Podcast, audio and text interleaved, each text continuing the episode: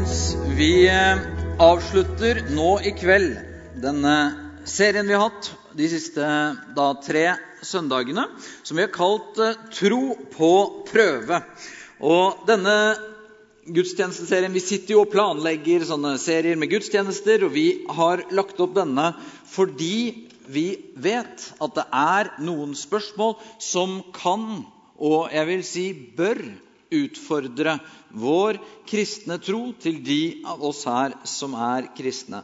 Eh, Fordi vi vil ikke at troen vår skal være blind, selv om den jo er tillitsfull. Vi vil ikke at troen skal være ureflektert og ugjennomtenkt, selv om den for mange av oss kan oppleves ganske sånn intuitiv å tro. Eh, mange av oss har vært så heldige eh, at vi har fått troen allerede som barn. Og Da blir det som en kamerat av meg i småfellesskapet mitt som ble spurt hvorfor er du kristen egentlig? Og Han sa at han ante ikke hvor han skulle begynne, fordi det var jo bare den han var. Eh, Erna Solberg skrev en eh, artikkel her hvor hun eh, beskrev historien om en gammel fisk som møtte en yngre fisk. Og Den gamle fisken spurte den yngre fisken hvordan er vannet i dag. Og den unge fisken spurte hva er vann? Eh, som i at vi kan ta det for gitt. Men troen, uansett om du alltid har hatt den, eller har fått den som voksen, eller enda ikke tror, så tenker vi troen bør prøves. Den bør få vokse, utvikle og endre seg.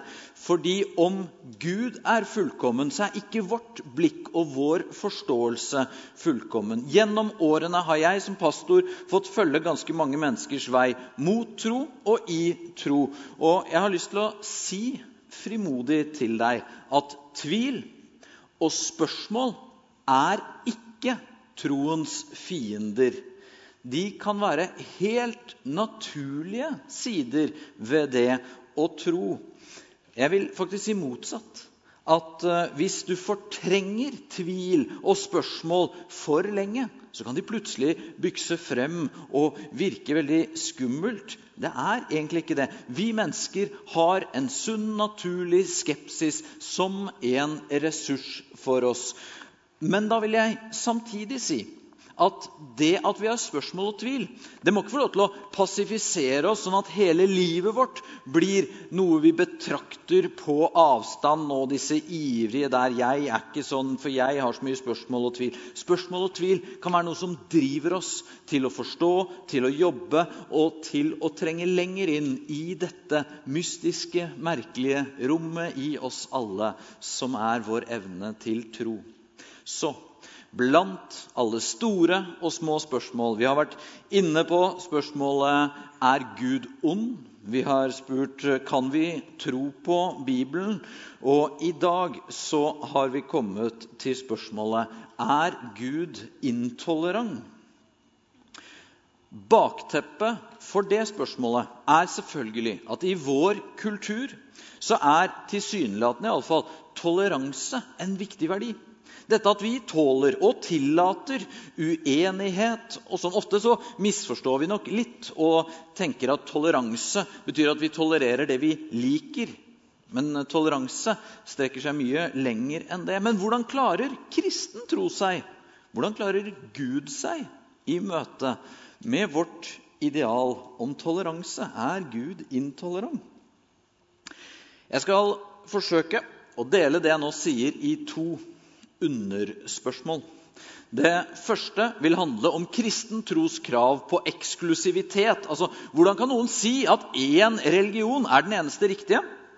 Det andre spørsmålet blir mer personlig. I kristen tro har Gud en mening om hvordan du og jeg lever livene våre. Er det intolerant med en Gud som forteller hvordan jeg bør leve? Jeg kan selvfølgelig ikke gi utfyllende eller fullkomne svar på disse spørsmålene, men jeg vil gi dette som oppspill til samtaler i småfellesskap over kafébord, fordi jeg tror det er viktig. Og la oss derfor begynne nå med at vi ber en bønn sammen.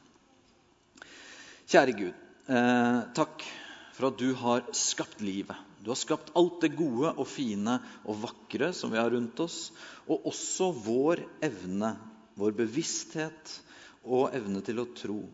Hjelp oss til å være våkne i dette dyrebare, korte livet som vi har i hendene våre. Lær oss å vokse og utvikle oss, og la oss formes til likhet med deg, Jesus Kristus. Amen. Det første spørsmålet er altså om ikke det er åpenbart intolerant å tro at akkurat min religion er den eneste riktige. Altså ha en tro som er eksklusiv, som sier 'jeg tror det bare er én tro som er den sanne'. Og Det er jo et godt spørsmål, men det kan også lure deg litt. For hva er egentlig alternativet til å tro det der? Jo, altså du kan jo selvfølgelig si at 'jeg tror ikke' ikke Gud finnes. Men det blir jo bare det samme. Så Derfor er det veldig mange i vår tid som heller definerer seg og kjenner seg, kjenner seg mer hjemme i å kunne si at 'jeg er agnostiker'. Altså, man sier ingenting er mer sant enn noe annet. Alle trossannheter er i prinsippet likegyldige. Alle religioner fører til Gud. Eller jeg kan ikke vite hva som er sant. Derfor bør heller ingen andre påstå at de vet. I første omgang kan det høres fint og ydmykt ut, men tenker vi litt lenger, så er det jo faktisk like lite inkluderende å si det. For det er jo også en trossannhet å si at ingen kan vite, eller alt er like sant.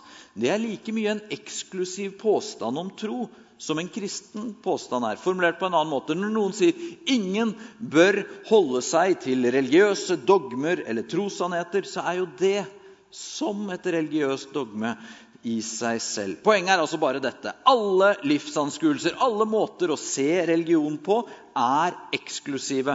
Også om noen skulle si 'jeg aksepterer din tro fordi all tro er like sann', så er jo det også en påstand om tro som hevder seg å være mer sann enn andre. Ok, Så er alle litt ekskluderende. og Hvis du syns det bare var forvirrende, så får du la det passere. Men hvordan kan kristen tro hevde at det er den eneste riktige. Nå skal jeg først gi deg et generelt bilde om hvordan vi kan se på dette med gudsbilder, som jeg håper kan være til hjelp i sortering. og Så skal vi gå på en spissere påstand etterpå. Det generelle først. Tenk deg at denne sirkelen her, det er definisjonen på den sanne Gud. Den Gud som alle mennesker i alle tider, i alle kulturer og religioner har søkt etter. Det som er innenfor denne sirkelen, det er det som er sant om Gud. Det som er utenfor, er usant. Så kan vi tegne Det gamle testamentets gudsbilde innenfor denne første sirkelen.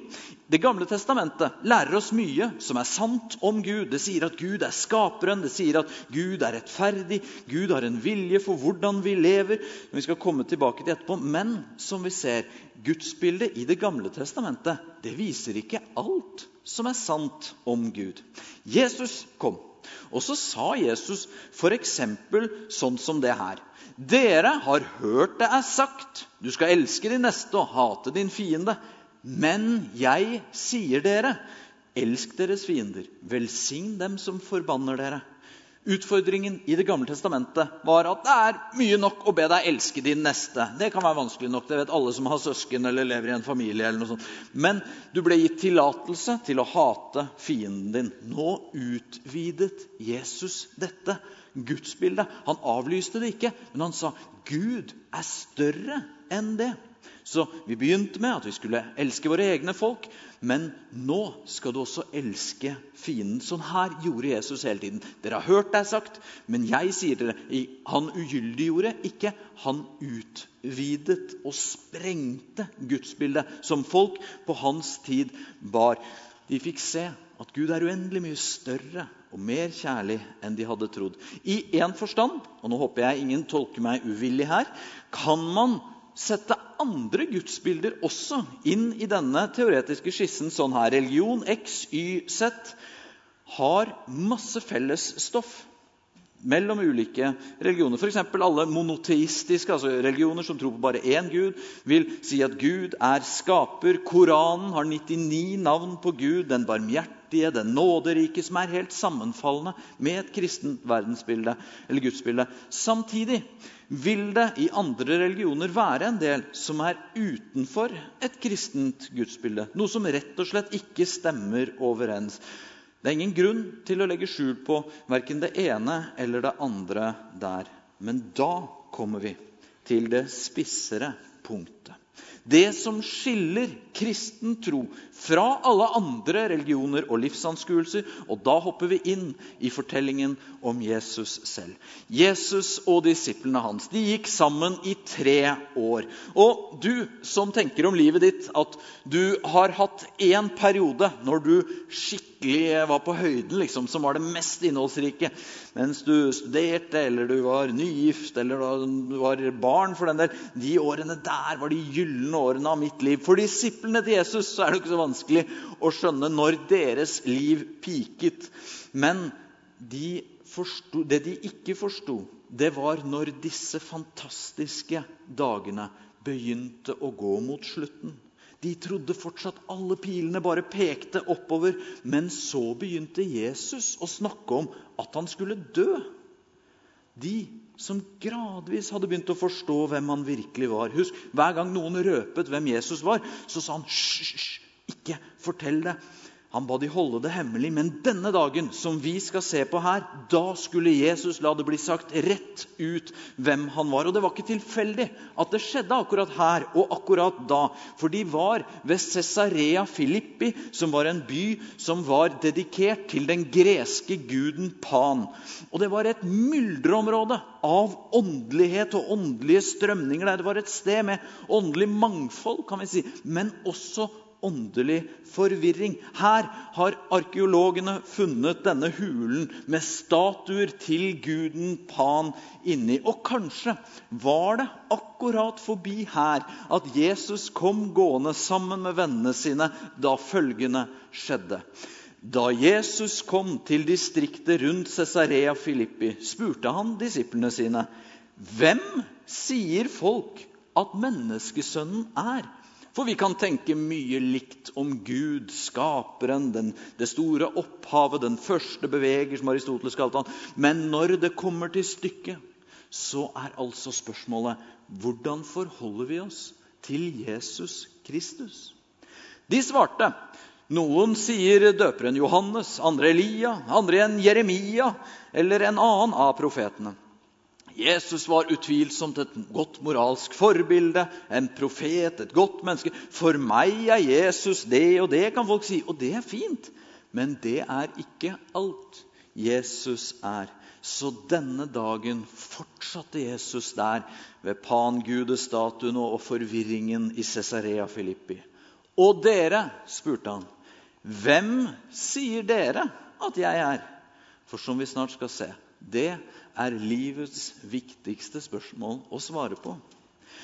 Da svarte Simon Peter, 'Du er Messias, den levende Guds sønn.'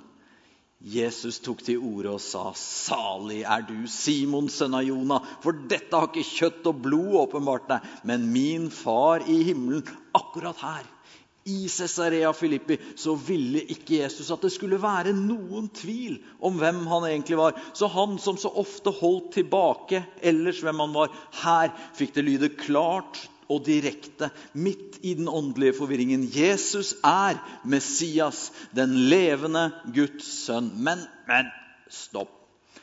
Ærlig talt, altså hvordan kan man tro på noen som sier om seg selv at de er Guds sønn? Det er jo massevis av mennesker som har sagt alt mulig om seg selv. Møtte til og med en her en gang som sa at han var kjærligheten i bestemt form entall. Det var flere på Jesu tid som sto frem som Messias og kongen folk ventet på. Hvorfor skal vi tro på akkurat han?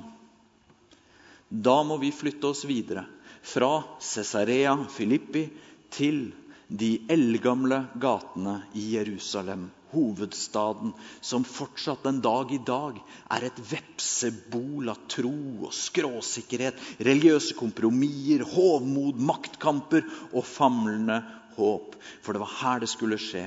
Det som for alltid forandret verden. Og det som skulle gjøre at Jesus-troen ble den eneste som ikke bare overlevde ut av det første århundret, men som fikk prege hele vår verden.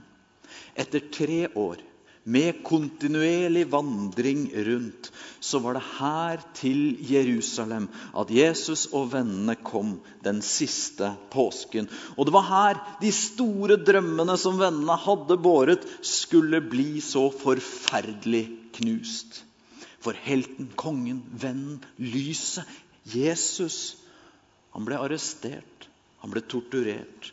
Og til sine tilhengeres utrøstelige skuffelse så så det ut som at mirakelkreftene hans sviktet han der i Jerusalem. Akkurat der. Han trengte de mer enn noen gang. I stedet så ble han drept.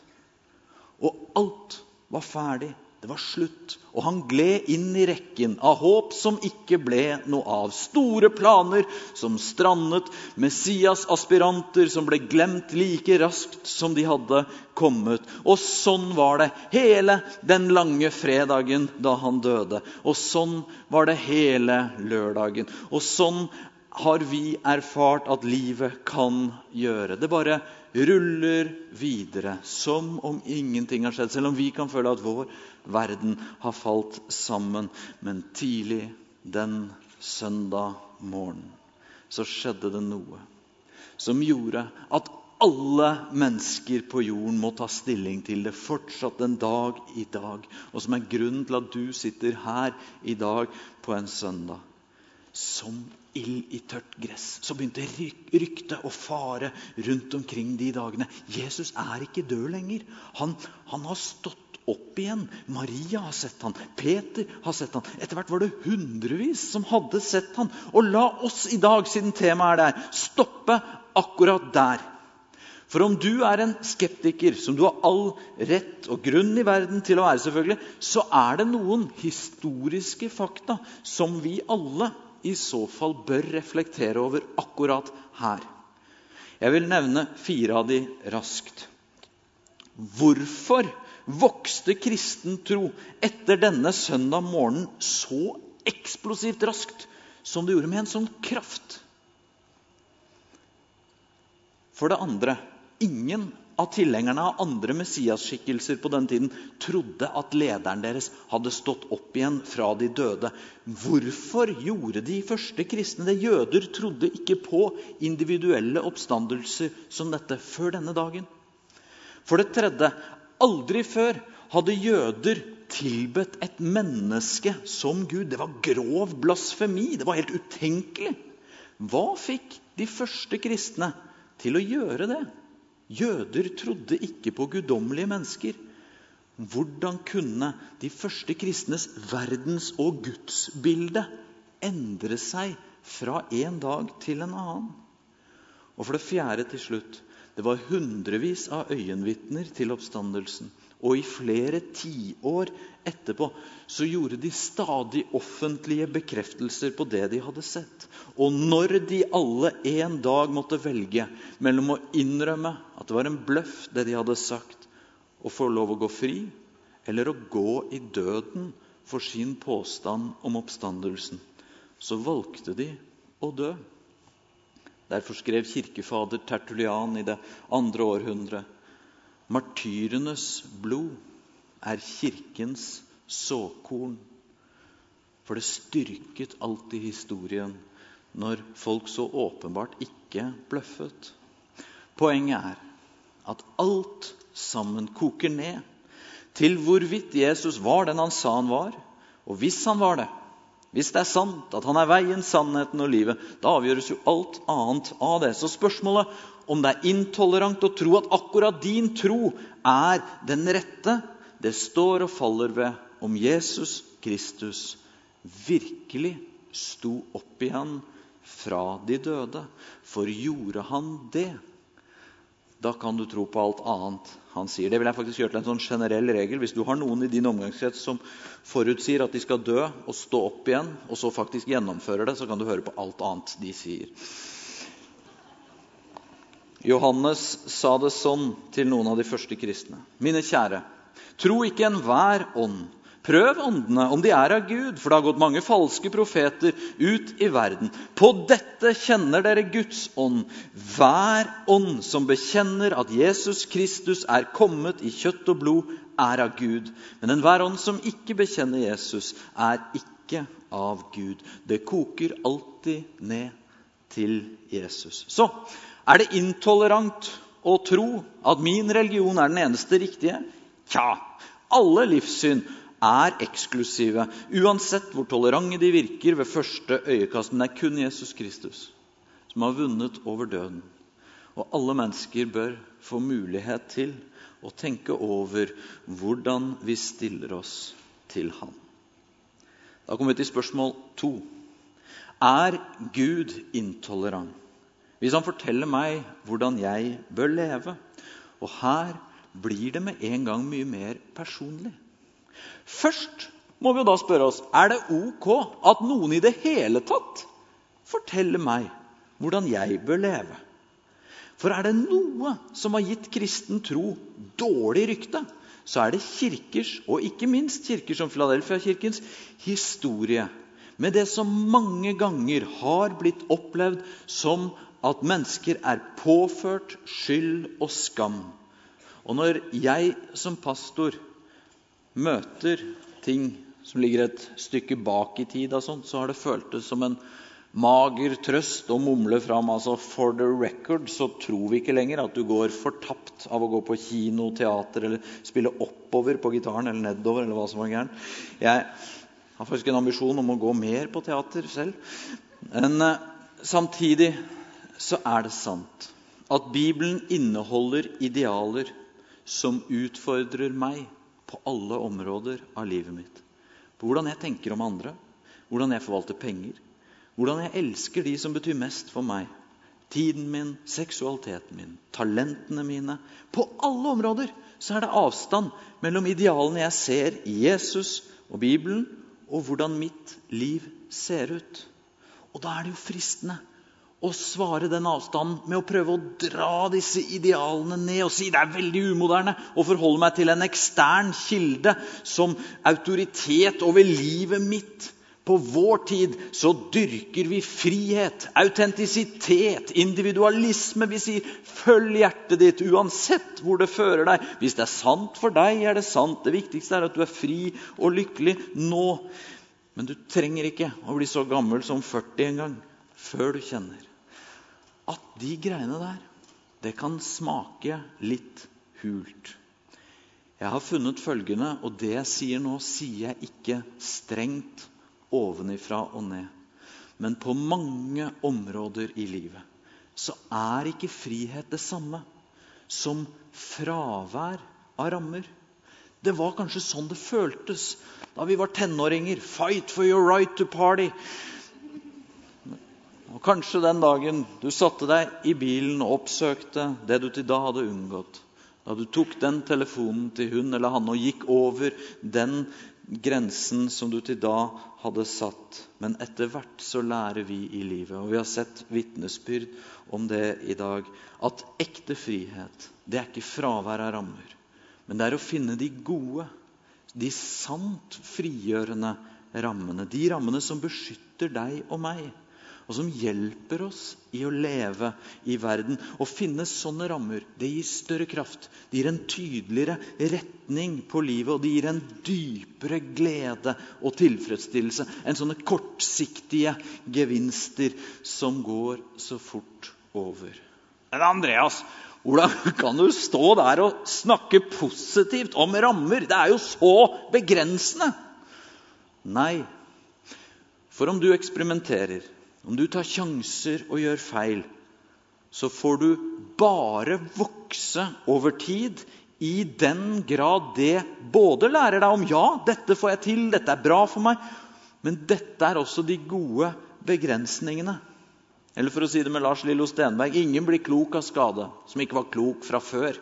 Men riktigere i denne sammenheng ingen blir klok av skade som ikke lar skadene, erfaringene, triumfene og tragediene både lære oss om gode, åpne rom, men også om gode rammer for livet vårt. For tenk på det. Hvis du vil komme i form, hvis du vil gjøre det bra på en eksamen, hvis du vil lykkes i en krevende jobb, da vet vi jo vi trenger rammer og idealer som vi strekker oss mot. Vi disiplinerer oss, vi trener, vi leser, vi tar tak. er det ikke litt rart dersom ikke rammer og idealer også skulle være nyttige for oss på åndelige og moralske spørsmål? Og hvis det er sånn, skulle vi ikke da heller omfavne det som kan lede oss i en god retning i livet, i stedet for å knytte nevene mot det? Ok, Så hvis Gud fins, og hvis Jesus er den han sa han var, og hvis idealer og rammer kan være nødvendige og gode for oss, da blir jo neste spørsmål for å avgjøre hvorvidt Gud er intolerant, som gir oss idealer og rammer, hvordan gir han oss de? Hvordan funker disse kristne idealene som så mange ganger og for så mange mennesker har blitt opplevd som alt annet enn frigjørende? La oss gå til Johannes igjen og lese.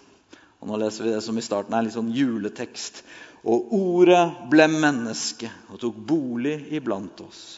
Og vi så hans herlighet, en herlighet som den enbårne sønn har fra sin far, full av nåde og sannhet. Her kommer vi til et av paradoksene, altså de tilsynelatende umulige motsetningene i kristen tro. Hva mener du, Johannes? Var han full av nåde, eller var han full av sannhet? Det kan ikke være begge deler. Jo, det er akkurat det. Det må være. For hvis vi tror at vi er fulle av sannhet uten nåde, da blir vi ingen av delene. Tenk nå på kristne når vi slipper løs vår mest fundamentalistiske side, gjerne i et kommentarfelt et sted eller i baktalelse over en kaffekopp. Da blir vi nedlatende, selvrettferdige, sta, ufølsomme og harde. Hvorfor blir vi sånn? Det kjipe med det er også at mange tenker jo at jo mer sånn man er, jo mer kristen Se så sinna han er! Han må være superkristen. Barn, Han der som driver og roper og kjefter sånn, det er fordi han tror altfor mye på Jesus. Men det er langt ifra sant. Sånn blir vi når vi ikke er kristne nok. Når vi blir nidkjære i troen vår, men ikke ydmyke, kjærlige, empatiske, tilgivende, forståelsesfulle, sånn som Jesus var. Det lukter ikke Jesus av oss når vi bare har sannhet og ikke nåde. Men på den andre siden, hvis vi tror vi er fulle av nåde, men ikke har sannhet, da blir vi heller ingen av delene. Jeg har tenkt mye på det med motstand om dagen. Og jeg tror, både som forelder, men også som menneske, at vi lurer oss selv hvis vi forventer å vokse her i livet uten motstand. Hva tenker jeg på da? Jeg, sånn Praktisk i mitt liv så er jeg veldig sånn eh, minste motstands vei. Altså Jeg måker snø hjemme med å kjøre bilen min opp og ned gårdsplassen. Og min far er vokst opp på småbruk, og han tror virkelig han har gjort noe fundamentalt feil i barneoppdragelsesdager. Men egentlig så vet jeg jo at verden den blir ikke bedre av sånn. Det er de bøkene, den maten, den musikken som koster oss noe å lese, spise, høre, som kanskje får oss til å lære. Så også med åndelige og moralske spørsmål. Det er ikke nødvendigvis minste motstandsvei som lar deg og meg foredles som mennesker. Det er jo heller å la oss utfordre, slipe og kalles til å snu oss rundt i livet. For tenk et øyeblikk over denne tanken. Om du vil snu deg mer mot Gud i livet ditt, er det da klokt å forutsette at Gud på forhånd er 100% enig i alt jeg tenker, mener og gjør?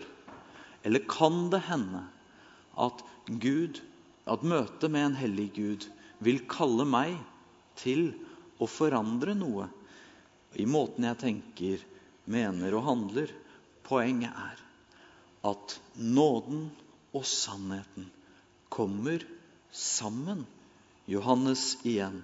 For loven ble gitt ved Moses, Nåden og sannheten kom ved Jesus Kristus. Og kanskje tenkte den gamle Johannes som satt og skrev dette som vi kjenner som Johannes-prologen, på det øyeblikket i Jerusalem, da det intense øyeblikket, da de som trodde at de var fulle av sannhet, de kom til Jesus med en meningsløs oppgave. De kom slepende på en dame som de hadde tatt på fersk gjerning i seksuell synd. og Det var jo vanskelig å ikke synes det var beleilig at disse mennene lot mannen dama hadde vært sammen med, være i fred, men tok med dama. Så sa de til Jesus at etter den gamle jødiske loven så skulle hun steines. Jesus kunne der ha blitt teknisk og bare avvist de juridisk med å si ja, men etter gjeldende romersk lov så har dere ikke lov til å steine noen, så stikk av. Men i stedet så gikk Jesus inn i utfordringen. Han bøyde seg ned og skrev i sanden. Og da de rundt ham ble mer høylytte og krevde svar fra han på utfordringen, så rettet han seg opp og sa ok, den av dere som selv ikke trenger nåde, kan være den første til å ikke gi henne nåde. Den kan være den første til å kaste stein. Da ble det dørgende stille. Én etter én slapp de steinene og trakk seg tilbake. Og så står det til slutt var Jesus alene igjen, og kvinnen sto foran ham. Da rettet han seg opp og spurte, 'Kvinne, hvor er De?' 'Har ingen fordømt deg?' Hun svarte, 'Nei, Herre, ingen.' Da sa Jesus, 'Heller ikke jeg fordømmer deg.' Gå bort og synd ikke mer. Jesus viser først en helt utrolig nåde. At han ikke dømmer det som så åpenbart etter loven var synd. Men så sa han også sannhet til henne. Jeg har eh, i forberedelsen til dette lest om Langdon Gilkey. Han eh, hadde forlatt sin barndoms kristne tro og i stedet bestemte seg for at nå trodde han kun på det iboende potensialet til det gode i mennesket selv. Men han hadde uflaks med tiden han levde i. For han dro i 1941 til Kina for å undervise engelsk der på en skole. Det var krig, og ett år etter at han kom, så kom japanerne til byen, okkuperte. Og de neste to årene så skulle han være en av 2000 fanger i en overfylt fangeleir. De delte 20 toaletter på 2000, så kan du regne litt hvor mange det er, du som bor i kollektiv. Eh, de hadde lite mat, og forholdene var elendige. I denne situasjonen her så observerte Gilki at det verste ikke var fangevokternes ondskap. For de, dette var en leir med hovedsakelig europeere og amerikanere. og De japanske fangevokterne lot de egentlig organisere seg i stor grad selv der inne. Men det som denne situasjonen fikk frem i fangene selv, det var vanskelig for Gilki. Og dessverre, både for sekulære Gilki og for de av oss som er kristne, så så han ingen forskjell mellom de religiøse og de sekulære fangene. Det var misjonærer og prester der, og det var andre som ikke trodde. Alle ble de like ukjærlige og onde mot hverandre i denne leiren. Og Gilki så at de bare brukte litt sånn ulik argumentasjon. De sekulære argumenterte sekulært, og de religiøse argumenterte religiøst. Men det var egoisme de argumenterte for uansett. Og Gilki han ble motløs av dette. Men så møtte han én fange som var annerledes der i leiren. Erik Liddell. Han var en skotsk tidligere olympisk mester på 400 meter som hadde forlatt en suksessfull idrettskarriere for å være misjonær i Kina. Og Gilki beskriver han sånn her i boken sin. Det er sjelden noen er så heldig å møte en helgen, men han var det nærmeste jeg noen gang kom. Liddell han hjalp særlig tenåringene i leiren. Han underviste dem, han ordnet for dem, laget mat til dem, og han ga seg selv for dem, selv om han var fange selv. Gilki observerte at Liddell han var den eneste i leiren som alltid hadde humor, som fortsatt elsket livet, som ofret seg for andre, og som gjennom alt så ut til å bære en indre fred. Helt mot slutten av krigen så ble Liddell brått syk av hjernesvulst. Og da han døde, så var hele leiren lamslått i flere dager. Hva var det som gjorde Lidell annerledes? Det ble Gilkis prosjekt å finne ut av, og det bør være vårt prosjekt også. Fordi Gilki ante i Lidell noe han kunne bygge sitt eget liv på òg. Når både det sekulære og det religiøse prosjektet så ut til å havarere der i leiren. Kraften i det gode i mennesket selv var åpenbart ikke nok. Men håpet om at religion skulle fikse det, viste seg også forfengt, så Gilki. For religionen den gjorde ikke nødvendigvis hjertet mindre egoistisk. Tvert imot, religion kunne gjøre folk stolte av hvor moralske de var. Og så ble de ironisk nok det motsatte. Mennesker som tenker om seg selv. Min religion den gjør meg så moralsk at Gud elsker meg. De er sjelden gode å være rundt. Men den troen Gilki så hos Ludell, den gjorde inntrykk på han. For Lidell han var ydmyk på den måten. Han visste jeg er en synder som ikke når opp. Og nettopp den innsikten den gjorde at Lidell aldri var nedlatende eller håmodig mot andre. Samtidig så var Lidell så trygg på at Gud elsket han, at Guds nåde bar han, at han heller aldri så ned på seg selv. Og dette gjorde så inntrykk på Gilki at han selv tok imot troen på Jesus og brukte resten av livet sitt på å formidle den troen videre. Så lærdommen han fant, den ble at religion i seg selv det har mulighet til å gjøre syndige mennesker enda mer syndige. For vi kan bli sånn fariseere, sånn religiøst håmodige i tillegg. Men et møte med Guds sannhet kan gjøre oss sant ydmyke, og et møte med Guds nåde kan gjøre oss dypt trygge. Sagt litt brutalt i dag, siden temaet er som det er I deg selv er du så dårlig at Jesus måtte dø for deg. Samtidig er du så elsket at Jesus gjerne døde for deg. Tilbake til spørsmålet. Er Gud intolerant hvis han forteller meg hvordan jeg bør leve? Nei, han er ikke det. For Bibelens veiledning til oss er nødvendig, den er god. Og det er ikke vår grad av vellykkethet i å følge denne veiledningen som gjør at Gud elsker oss. Vi kan heller oppsummere dynamikken sånn her. En religiøs refleks sier 'jeg adlyder, derfor er jeg akseptert av Gud'. Men evangeliet, kjernen i kristen tro, sier jeg er akseptert av Gud pga. det Jesus har gjort. Og derfor, som en respons på det, så forsøker jeg å adlyde.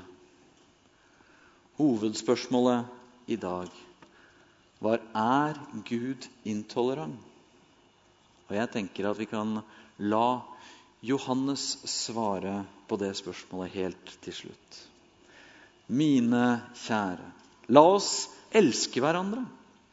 For kjærligheten er fra Gud. Og hver den som elsker, er født av Gud og kjenner Gud. Den som ikke elsker, har aldri kjent Gud. For Gud er ikke intolerant. Gud er kjærlighet. Skal vi be sammen? Jesus Kristus, takk for at du har skapt oss, og gitt oss eh, evnen til å elske og leve. Lær oss å følge deg. Takk for at du elsket oss først, og derfor så kan vi i våre liv gå med deg og mot deg. Og takk for at når vi innser våre egne mangler, vår egen synd, så gjør det ikke din kjærlighet mindre. Det gjør nåden bare større. Vi hyller og ærer deg, Jesus Kristus, for at du som var hel, du gjør oss hele. Og at vi i nattverden som vi snart skal feire, får koble våre brutte liv på ditt hellige liv. I Jesu navn.